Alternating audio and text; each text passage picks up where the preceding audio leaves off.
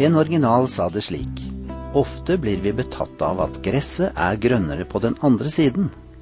Men du kan vedde på at hvis gresset er grønnere, så skyldes det en masse arbeid med vanning. Mange bruker mye tid på å dagdrømme. Tenk om jeg hadde den bilen, den leiligheten, den båten, den kjæresten, den ferieturen, osv. Men omkostningene kan bli større enn du hadde ventet. Av apostelen Paulus i Bibelen kan vi lære å være tilfreds. Han satt i fengsel, men hadde innviet seg selv til å sette Kristus først. Da kunne han finne glede i alle slags forhold. Han sa, Jeg vet hva det vil si å leve i trange kår, jeg vet også hva det vil si å ha overflod. I alt og i alle ting er jeg innviet, både å være mett og å sulte, både å ha overflod og lide nød.